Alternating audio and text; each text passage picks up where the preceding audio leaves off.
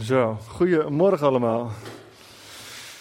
Hartelijk welkom, ook uh, voor de mensen thuis, hartelijk welkom. Fijn dat je meekijkt. Um, nou, voor de mensen van de band, ik ben gelijk uh, fan van jullie. Echt super. En uh, ik ben fan om drie redenen. De eerste is, het klonk gewoon goed. Het was gewoon heerlijke muziek. En de tweede is, um, ze brachten ons echt naar het hart van God. Jullie brachten ons echt naar naar de aanbidding, echt naar het hart van God. En dat was echt super, dus hartstikke mooi gedaan. En de derde is, jij zei met name ook echt profetische dingen ook uh, over de dienst van vandaag. En uh, toen je zo begon te bidden over, zijn lichaam, we hebben allemaal een taak. Echt super, dus uh, dank jullie wel. Ik ben echt gezegend. Het heeft mij weer echt bewust gemaakt van het feit van het gaat om God. Hè?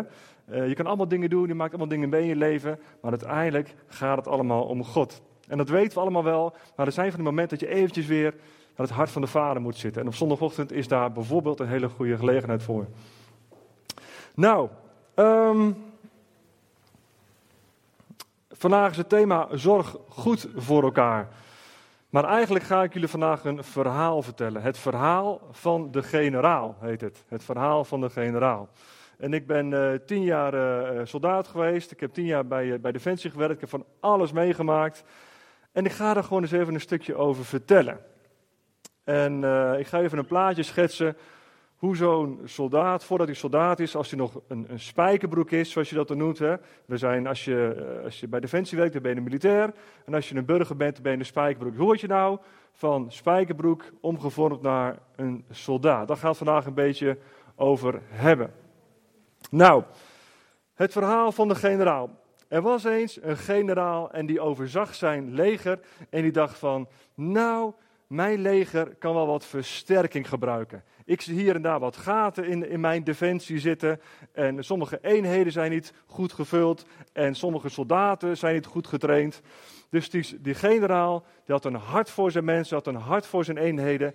En die zei, er moet eigenlijk gewerfd gaan worden. Er moeten nieuwe soldaten in mijn eh, leger terecht gaan komen. Er moeten meer mensen van spijkerbroek omgetoverd worden tot volwaardig soldaat. Dus wat deed die generaal? De generaal die stuurde zijn boodschappers erop uit. Hij stuurde zijn boodschappers, zijn officieren, zijn onderofficieren, zijn ordonnances. En hij begon de berichten verspreiden naar zijn boodschappers, of via zijn boodschappers. Ga werven, ga nieuwe soldaten aannemen, want er komt een grote veldslag aan. De generaal ging zijn troepen, zijn leger klaarmaken, samenroepen voor een specifiek doel. Ja?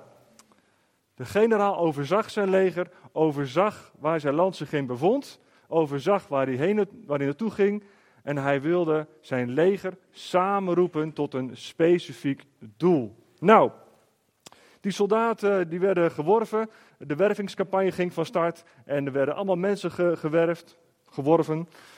En, um, um, en sommigen die gingen in dienst en die waren al jaren op zoek naar die ene baan bij Defensie. Ze waren van, van klein jongetje af aan, waren ze al gemotiveerd van op een dag, dan ga ik soldaat worden. Op een dag ga ik door die modder heen kruipen, op een dag ga ik het doen. Andere mensen, die, zitten, die zaten op de, televisie, zaten gewoon op de bank, zaten te lekker te zeppen. En die zagen een spotje van MTV voorbij komen en dachten van, hé, hey, dat is een leuk spotje, ik ga bij Defensie werken. En zo eentje was ik er. ik zat op mijn luie stoel een beetje te zeppen voor de televisie. Ik zag een spotje van Defensie voorbij komen. Ik dacht van, ja, Ach ja, waarom ook niet, hè? Laat ik maar eens gaan aanmelden. En uh, zo gezegd, zo gedaan. Dus ik heb me, ik heb me aangemeld. Ik heb allemaal uh, uh, testen ondergaan. Ik, ik, ben uitgebreid getest. Nou, en wat was nou het geval? Het leek mij wel stoer om in een tank te gaan rijden. Ja? Zo'n grote tank, dat leek me wat om daar even lekker in te gaan skeuren. En ik kwam er bij die keuring en die man die keek zo eens naar mij zo. Nou, zegt hij, misschien moet je even een andere functie gaan zoeken. Dus uh, dat had hij op zich wel gelijk want zo'n tank is natuurlijk wel groot en sterk, maar in de hoogte is hij niet zo groot. Dus uh, dat was een hele vooruitziende blik van die man dat ik niet in de tank zou passen. Je moet gewoon doen waar je goed in bent en waarbij je past. Toch? Je moet doen waarbij je past. Nou, dus uh, uiteindelijk ben ik goedgekeurd en ik ben uh, in Ermelo terechtgekomen op 28 april 1997 kwam ik als 18-jarig Zwijgenbroek kwam ik op het station van Ermelo terecht. Met tientallen, misschien wel honderden andere spijkerbroeken die allemaal klaar waren voor de strijd om soldaat te worden. Nou, wat gaat er dan gebeuren? Je gaat dan de AMO in, tenminste dat zo heette dat toen, tegenwoordig heeft het maar andere namen. De Algemene Militaire Opleiding. De Algemene Militaire Opleiding. Je wordt van spijkerbroek, word je omgevormd tot soldaat. Ja? En een generaal die alles overziet, de generaal die alles weet van zijn manschappen, van het trainingsproces, die heeft twee doelen met zo'n soldaat. En de eerste doel is, een soldaat moet zich persoonlijk gaan ontwikkelen tot soldaat. Hij moet een persoonlijk proces doorgaan. Hij moet zijn denken veranderen. Hij moet uniform worden aan de rest. Ja? Hij moet gelijk worden aan de rest. Je krijgt ook een uniform, dat is niet voor niks. Je moet allemaal hetzelfde zijn, allemaal hetzelfde denken. En vooral niet te veel grote mond hebben. Gewoon meegaan in wat je verteld wordt. Je moet allemaal dingen leren. Je moet bijvoorbeeld um, um, schoenen leren poetsen. En niet een beetje dat ze netjes zijn, maar echt, ze moeten blinken. Hè? Schoenen poetsen, oh jongens. je moet leren schieten. Je moet zo'n wapen moet je ook onderhouden. Je moet poetsen tot je bij neervalt. Midden in de nacht kan je uit je bed getrokken worden. Uh, zomaar je wapen laten zien. Mag nergens zand op zitten. Alles moet schoon zijn. Je hebt een, een ontzettend eind gelopen. Je, hebt, je bent afgebuld. Je bent moe. Je wil gewoon liggen. Je wil slapen. Je wil eten. Maar wat moet je doen? Je wapen onderhouden. Als jij met een volle buik in het bos zit en je wordt aangevallen en je wapen blokkeert, heb je niks meer aan die volle buik. Hè? Al dat soort dingetjes moeten allemaal um, moet je geleerd worden. Je moet gaan sporten, je moet sterk zijn, je moet mentaal gezond zijn, je moet helemaal voorbereid zijn als persoon voor die taak bij Defensie. Nou, en ik weet nog goed, ik kwam daar binnen. En uh, uh, ja, iedereen kent wel die, die films, weet je wel, dat, dat er zo'n drill sergeant daar staat te schreeuwen. Nou, ik heb het ook echt gezien, hè. Dus ik kwam daar, die, die kamers binnen, van die hele oude gebouwen zijn dat. En uh, ja, best wel indrukwekkend. Heel veel mensen lopen daar rond. En er stond daar een tafel. En op die tafel stond een stoel. En op die stoel stond een sergeant. En jullie zijn niks. En je kan niks. En je wordt niks. En het wordt wat nooit met jou, weet je wel. En dat soort dingen. Oké, oké. Echt, echt precies zo uit de film, weet je wel. En, uh, maar dat doen ze gewoon om je eerst af te breken. Dat hele spijkerbroekgedrag moet eruit. En ze gaan je opbouwen als een volwaardig, sterk militair. Nou, op een gegeven moment in de loop van die opleiding krijg je een baret. En op die baret staat een heel mooi embleem met een, met een zwaard, met een, met een, met een, met een, die in een schede uh, gestoken is. En er staat een hele mooie tekst bij. Jij weet de tekst van Johan. Nulli Cedo staat erop. Nulli Cedo. Nou, en wat vertelden ze ons nou? Ze vertelden ons dat betekent, ik ben een nul. Nullicedo, ik ben een nul. Dus je loopt super trots met een baret op je hoofd waarvan je denkt dat erop staat, ik ben een nul. Nou, en trots dat je was. Oh, dat was geweldig. Maar dat, betekent het allemaal niet. Weet je wat het betekent? Het betekent, ik wijk voor niets. Ja, daar kom je dan later achter. Hè? Dan, bij Defensie maken ze, is, het, is het aantal grappen wat ze met je uithalen is oneindig. En een van die dingen is dus, ik ben een nul. Helemaal trots, ik ben een nul. Maar er staat, ik wijk voor niks. Ja? Een stukje persoonlijke ontwikkeling. Het tweede wat je geleerd moet worden, is werken in groepsverband. Jij als persoon, als, als, als individuele soldaat, moet goed voor jezelf leren zorgen. Je moet een schutsput kunnen graven, je moet kunnen schieten, je moet er hindernis bij, je moet sterk zijn. Je moet je kast kaarsrecht kunnen inpakken. Je moet midden in de nacht uit je tentje kunnen rennen en allemaal spullen pakken die de sergeant wil zien. Als persoon moet je getraind worden. Maar het moet ook in een groepsverband gebeuren. Ja? En daar hebben ze hele mooie technieken voor. Bijvoorbeeld collectief straffen. Ja? Tegenwoordig mag het niet meer, maar in mijn tijd nog wel. En dat betekent, dan ga je bijvoorbeeld sporten, dan moet je de hindernisbaan over, en krijg je een tijd mee. Dan moet dan bijvoorbeeld binnen vijf minuten de hele baan over. En wat zie je in het begin van dat proces? Dan zie je dat iedereen voor zich gaat rennen. Iedereen denkt van ja, het zal mij niet gebeuren dat ik, dat ik te laat kom. Dus iedereen gaat als een gek rennen. Maar er zijn altijd mensen die sneller zijn en mensen die langzamer zijn. Dus een deel van de groep, die haalt die tijd. Die van, nou mooi, ik heb die tijd gehaald. En de andere deel van de groep die zegt van, nou, ik heb het niet gehaald. Maar die mensen die snel zijn, mogen leren dat je pas de tijd gehaald hebt als je allemaal over de finish bent. Ja? Als je met z'n allen in die vijf minuten van A naar B bent, Dan pas ben je klaar. Dan pas heb je je tijd gered. Dus je moet dat collectieve denken moet je aanleren. Dus je moet als soldaat individueel moet je sterk zijn. En je moet kijken naar het groepsbelang. En de ene is supergoed in de hindernisbaan. En de andere is heel goed in wapenonderhoud. Dus de ene zit om de wapen in elkaar te zetten. Dat lukt hem niet. En dan komt diegene erbij die dan zegt van... Hé, hey, ik kan niet zo goed rennen. Maar ik kan wel heel goed je wapen in elkaar zetten. En zo moet je voor elkaar gaan zorgen. Ja?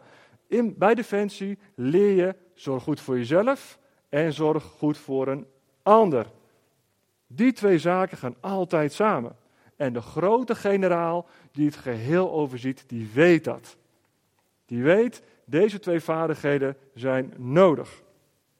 Nou, na drie maanden, dan ben je klaar met de algemene militaire opleiding. Dan ben je dus een basissoldaat. Je weet ondertussen dat het embleem niet betekent ik ben een nul, maar het betekent ik wijk voor niks. Dat heb je ondertussen al geleerd. Nou, wat er dan gaat gebeuren is, je gaat naar een functieopleiding toe. Je bent eerst allemaal ben je basissoldaat, maar er zijn mega veel functies in het leger. Elke soldaat heeft zijn eigen taak. De een wordt infanterist, de ander vindt een tankbesturen leuk, de ander vindt het laden in een tank leuk, weer de ander zit in een tank en die vindt het leuk om de ding te onderhouden. En de ander zit bij de artillerie. Er zijn allemaal verschillende functies. Nou, maar uiteindelijk, als al die mensen klaar zijn, dan worden ze door de generaal samengeroepen voor een specifiek doel. Ja? Dus drie maanden basisopleiding, ongeveer drie maanden functieopleiding. En dan is die soldaat van Spijkerbroek overgegaan naar een volwaardig, goed opgeleid, getraind soldaat. Nou, en dan komt de grote dag. De generaal heeft een hele grote, heroïsche veldslag in gedachten. Ja? Hij is even de geschiedenisboeken ingedoken, hele mooie verslagen van veldslagen gelezen. Hij dacht, ik ga een mooie veldslag leveren. Hij gaat zijn leger samenroepen op een specifieke plek, op een specifiek doel. Ja, hij gaat ze samenroepen met een specifiek doel. Het kan toch niet zo zijn dat die soldaten daar staan denken van ja, goh, wat, uh, ja, leuk dat die met z'n allen zijn, maar wat gaat er nou gebeuren? Wat, wat doen we hier nou eigenlijk? Dat kan niet. Het kan ook niet zo zijn dat hij wel weet wat er gaat gebeuren, maar dat hij zijn taak niet goed uit kan voeren. Ik heb één keer meegemaakt, toen kregen wij een briefing, toen gingen wij op uitzending, het ging allemaal supersnel. Eh, de NOS-journaal stonden er vol mee, wij kregen een bericht, we moeten gaan. En een week later waren we al in het uitzendgebied. Het was een hele heftige tijd. En ik weet nog dat we een, uh, een, uh, een briefing kregen van een van de hoge officier. En die vertelde precies wat er moest doen, wat er moest gebeuren. Maar een van die soldaten, ja, dat was enkel wel ook een beetje hilarisch, die snapte het niet. Die snapte niet wat hij daar moest doen. En uh, dus die, die, stond ook op. Hij zegt van ja, zegt hij.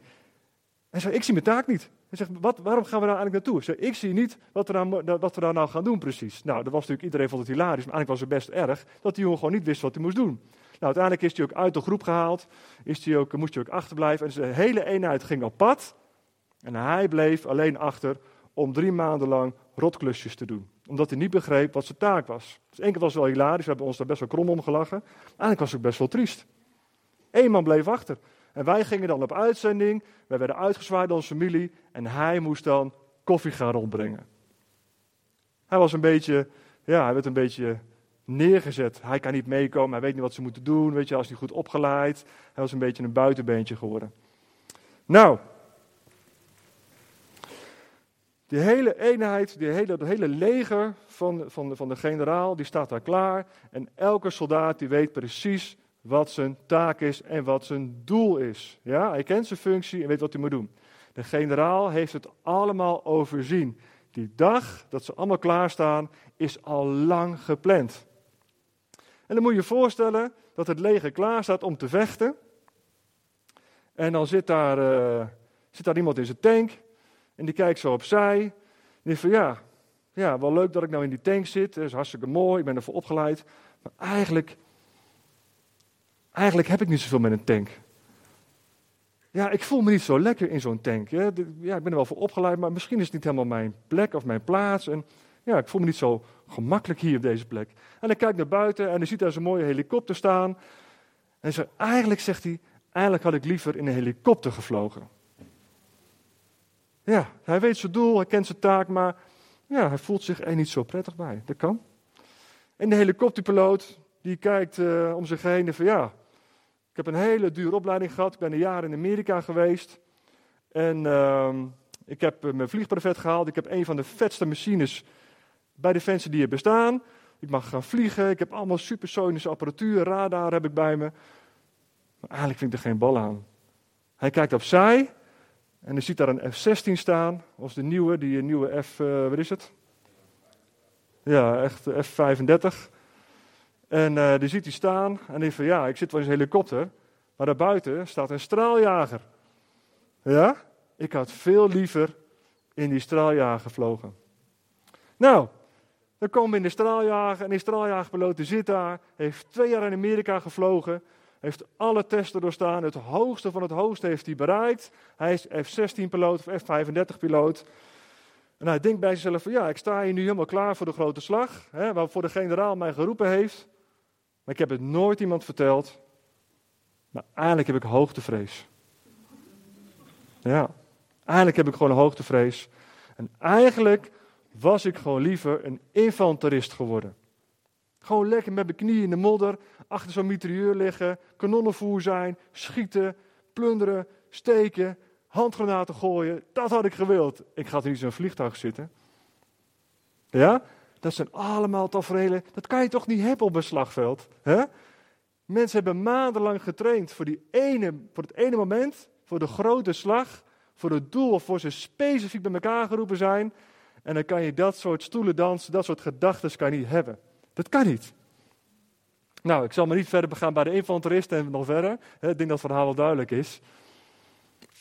De generaal heeft zijn boodschappers gezonden. Ze zijn omgetoverd van spijkerbroek naar een volwaardig opgeleid militair die persoonlijk klaar is en als collectief klaar staat om iets samen te gaan doen. Zijn specifiek doel zijn samengeroepen. Nou, hoe toevallig wordt onze samenkomsten in het Nieuwe Testament, uh, is daar een speciaal woord voor? Wie weet al welk woord ik op doel? Ik hoor hem hier al. Ecclesia. De, het woord samenkomst of kerk wordt in het Grieks, in het Nieuw Testament, is het woord ecclesia. En ecclesia betekent eigenlijk een regerende vergadering. Die samengeroepen zijn met een specifiek doel. Ja, een regerende vergadering. Dus wij zijn niet zomaar een leuk gezellig clubje. Wat ik heel vaak ook zeg, wij zijn heel gezellig. En of dat proberen we te zijn. Maar we zijn een regerende vergadering. Nou, over dat regerende, daar kunnen we het ook nog heel veel preken over hebben. Dat heeft natuurlijk te maken met de autoriteit en de, en de macht die we hebben gekregen van God. Als God ons dingen laat zien over deze stad of over iemands leven, dan gaan we daarvoor bidden. Dan gaan we niet zeggen van wow, eh, daar kunnen we niks mee doen. Nee, dan gaan we zeggen oké, wat, wat is Gods wil hierin? Wat gaan we doen? Wat, wat is Gods wil voor deze stad? Wat is Gods wil voor deze kerk? Nou, het eerste plaats heeft God een persoonlijk doel met jou. Ieder van ons hier is geroepen met een specifiek doel. En het doel op de eerste plek met jouw leven is dat je verbonden wordt met God de Vader, met Jezus en vervuld wordt met de Heilige Geest. Dat je God als je Vader gaat leren kennen. Dat je thuis mag komen bij God. Dat je mag gaan groeien in je relatie met God, dat je mag gaan groeien in karakter, dat je mag gaan groeien in bepaalde gedachtepatronen aanleren of juist afbreken. Je mag er leren om een gezond christen te worden. Met alles wat erbij komt kijken. Ups en downs. Je staat op de top van je leven en je staat in het dal, maar de grote generaal overziet jouw leven. Ja? Jouw persoonlijk doel staat vast en is in de eerste plaats thuiskomen bij God. Connecten met God. En dan gaat God je trainen, dan gaat, gaat God je leiden. En het tweede is natuurlijk, en dat zei jij zo mooi zo net, hè, we zijn een lichaam. We functioneren allemaal samen. Iedereen heeft hier talenten. En de talenten van de band hebben we net gehoord. Nou, ik heb ook een jaren geleden een poging gedaan om te zingen. Dat was niet zo'n succes, Daphne. en, uh, en je moet gewoon doen waar je goed in bent. Ja? Als ik nu ga zingen, dan, uh, dan heb je best kans dat de meeste mensen volgende week niet meer terugkomen. Ja, of juist wel. Zegt ze, nou dat is lachen. Gaan we nog een keer horen. Sta ik op geen stijl vanavond, weet je wel. Dat kan allemaal. Je moet gewoon doen waar je goed in bent. Je moet een plekje vinden in ons collectief. Ja, in onze samenkomst. God heeft jou persoonlijk geroepen. En God heeft ons als gemeente echt een specifiek doel gegeven. Deze gemeente is gepland in 2002 ongeveer. Ja? Wilke van der Kamp kreeg een inspiratie van God om deze gemeente te starten. Wat denk je hoe God dat doet? Dat God denkt van nou, laat ik eens even de gemeente gaan starten. Ik zend een boodschapper naar Wilkin toe. En ik laat hem die gemeente starten. En voor de rest van nou, goh, laat die gemeente maar lekker een beetje zingen, een beetje aanklooien. Nee, natuurlijk niet. God heeft een specifiek plan met deze gemeente. Met jou in deze gemeente. Met iedereen van ons heeft hij een plan. Jou persoonlijk en in deze gemeente. Hij heeft een plan met deze gemeente. En hij heeft dat plan aan het bekend aan het maken. Hij heeft zijn boodschappers gestuurd. Hij heeft zijn motorordonnances naar ons toegestuurd afgelopen tijd, afgelopen jaren. En ik denk dat God heel duidelijk heeft laten zien waar wij met leven de aankomende tijd naartoe mogen gaan. Afgelopen maanden ben ik bezig geweest met het schrijven van de visie voor deze gemeente. En ik geloof echt dat het een hele duidelijke koers is, duidelijke richting is van God gegeven. Welke richting wij op mogen gaan met deze gemeente. Een blauwdruk. Ik zal je vertellen hoe lang ik erover heb gedaan om die visie te schrijven. Ja, ik ben gaan zitten achter mijn laptopje. En uh, eigenlijk was ik binnen een half uur was ik klaar. De ruwe versie van mijn visie had ik zo half uur, nou, misschien drie kwartier, zo getypt. Het zat al in mijn hart. God heeft het echt, heeft het opgeschreven in mijn hart. Ik heb het afgelopen week al geprobeerd uit te poetsen. Van nee, dat kan niet. Weet je wel, al die processen die dan als mensen erheen gaat. Maar het zit verankerd in mijn hart. Ik hou van deze stad, ik hou van deze gemeente, ik hou van alle gemeenteleden. En ik heb echt een duidelijke opdracht ontvangen voor deze kerk. We gaan niet veranderen als gemeente. Hè? Wij zijn leef, wij zijn levies, we hebben onze eigen identiteit, we hebben ons eigen karakter. En dat vormt ons, het is wie we zijn. En dat blijven we ook, maar we gaan wel een specifiek doel op. We gaan een plan uitrollen. Niet mijn plan, niet mijn visie, niet mijn ambitie. Ik geloof echt met mijn hand op mijn hart. Ik zal mijn hand voor in het vuur steken. Dit is van God en die kant gaan we ook op. En het leuke is, uh, ik heb wel heel veel uren gestoken in die visie ook leesbaar maken. En dat was natuurlijk een ruwe versie wat uit mijn hart gekomen is.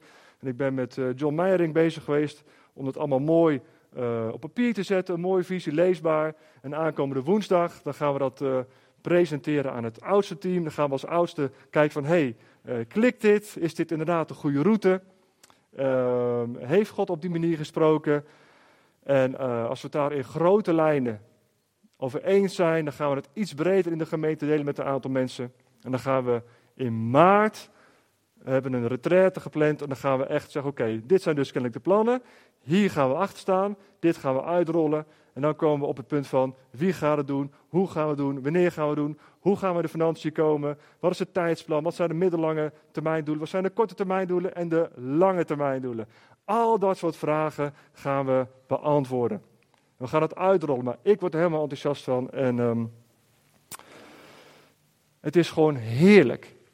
Het is gewoon fijn om te weten wat God met jou persoonlijk voor heeft. Het is fijn om te weten wat God met de gemeente voor heeft, lieve mensen. Het is geen hogere wiskunde, anders zou ik het zelf niet meer snappen. God spreekt heel duidelijk vaak. God is niet dat die, van die films zie je vaak dat God van die hele moeilijke dingen zegt en hele wazige opdrachten. Zo is God helemaal niet. Als God spreekt, dan zegt hij hele duidelijke, specifieke dingen. En heel vaak zit er ook het woord ga in. Wist je dat? Als God spreekt, dan zegt hij vaak ga, ga dit, ga dat, ga zus, ga zo.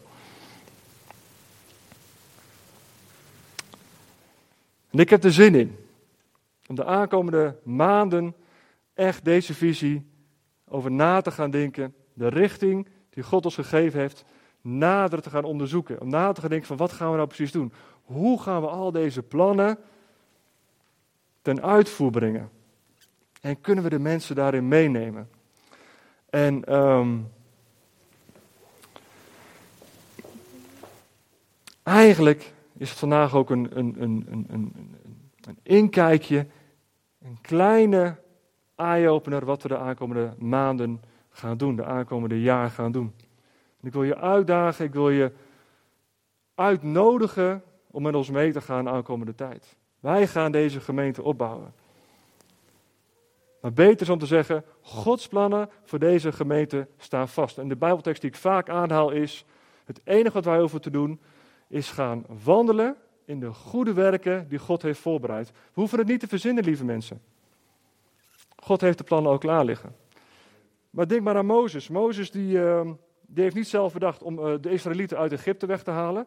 Hij heeft ook niet zelf een beloofd land bedacht. heeft hij allemaal niet zelf bedacht. Het waren plannen van God die hij vertelde aan Mozes.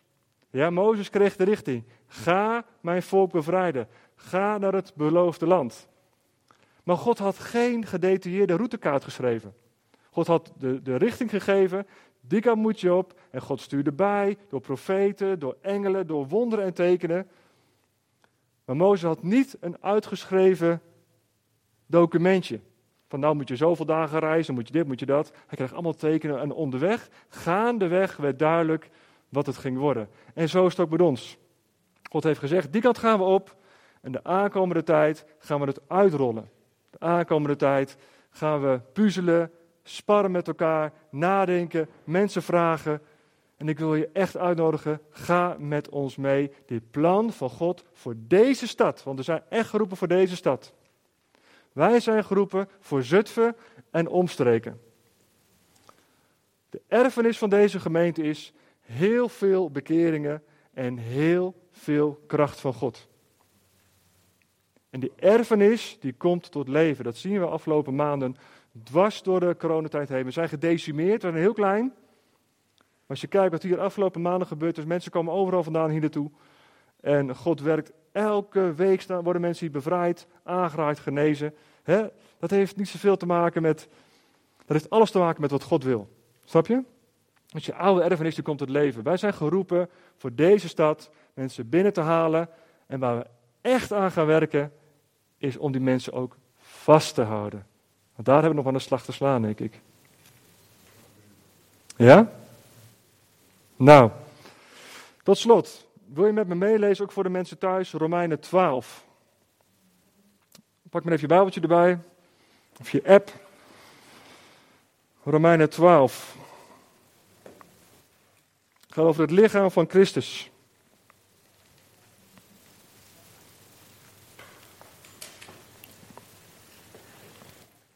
Eén lichaam heeft veel lichaamsdelen. En die lichaamsdelen doen niet allemaal hetzelfde soort werk. Oh, vanaf vers 4.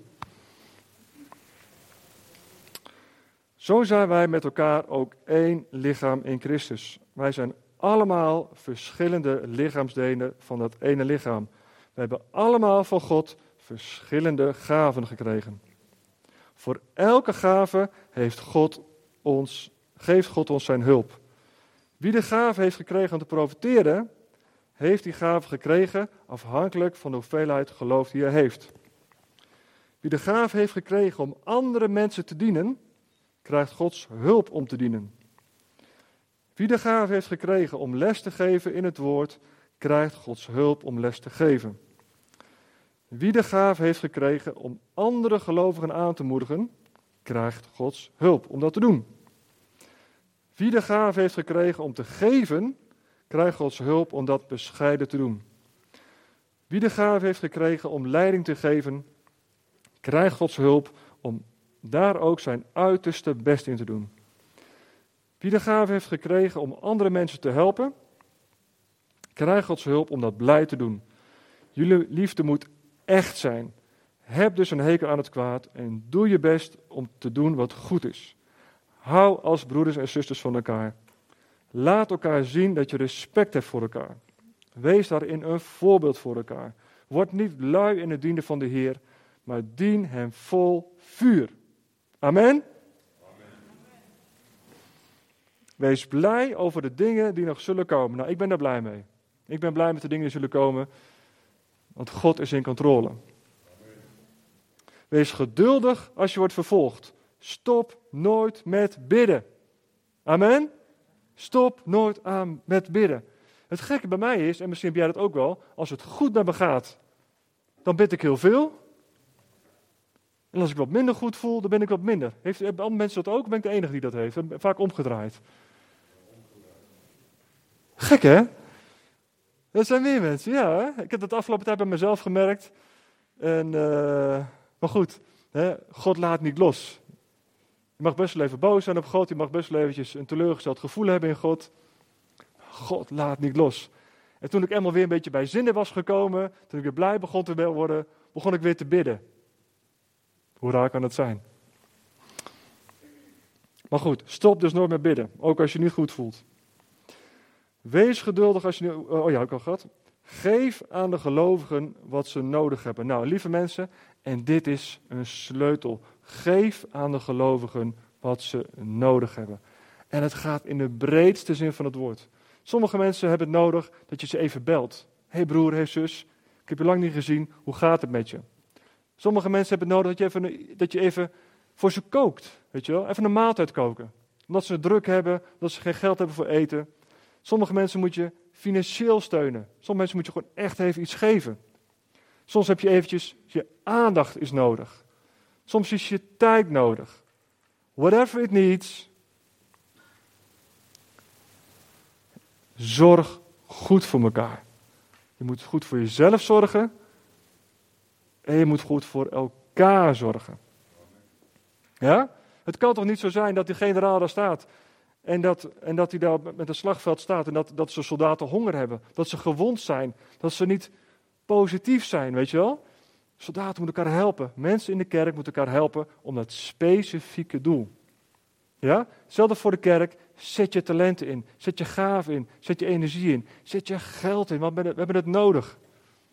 We hebben het gewoon nodig. We willen echt deze stad gaan veranderen. En alles hebben we nodig tot eer en glorie van God. Wees gasvrij. En de laatste twee zinnen, en dat is ook een hele bijzondere hoor. Zegen de mensen door wie jullie worden vervolgd en vervloek hen niet. Zegen en vervloek niet. Ja, dus als je mensen het je moeilijk maken, als mensen je zelfs vervolgen, weet ik wat ze je aandoen, dan zegt het woord zegen en vervloek niet. En de laatste, de laatste is wees één met elkaar. Wees één. Als wij één zijn, als dit lichaam gaat functioneren zoals God er heeft bedoeld, als wij het beste met elkaar voor hebben, als je niet lui bent, als je niet stopt met bidden, als je doorgaat, dan gaat Gods plan echt in werking. Wat jij net ook zei, inderdaad.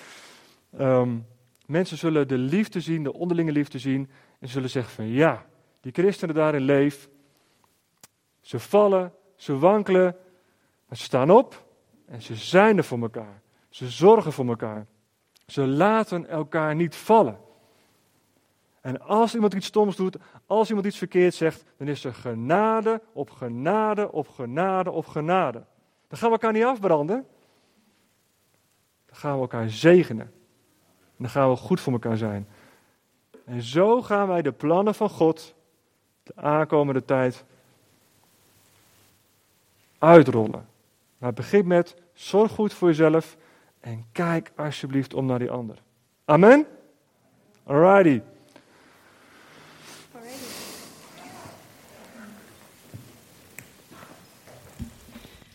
En ik dacht.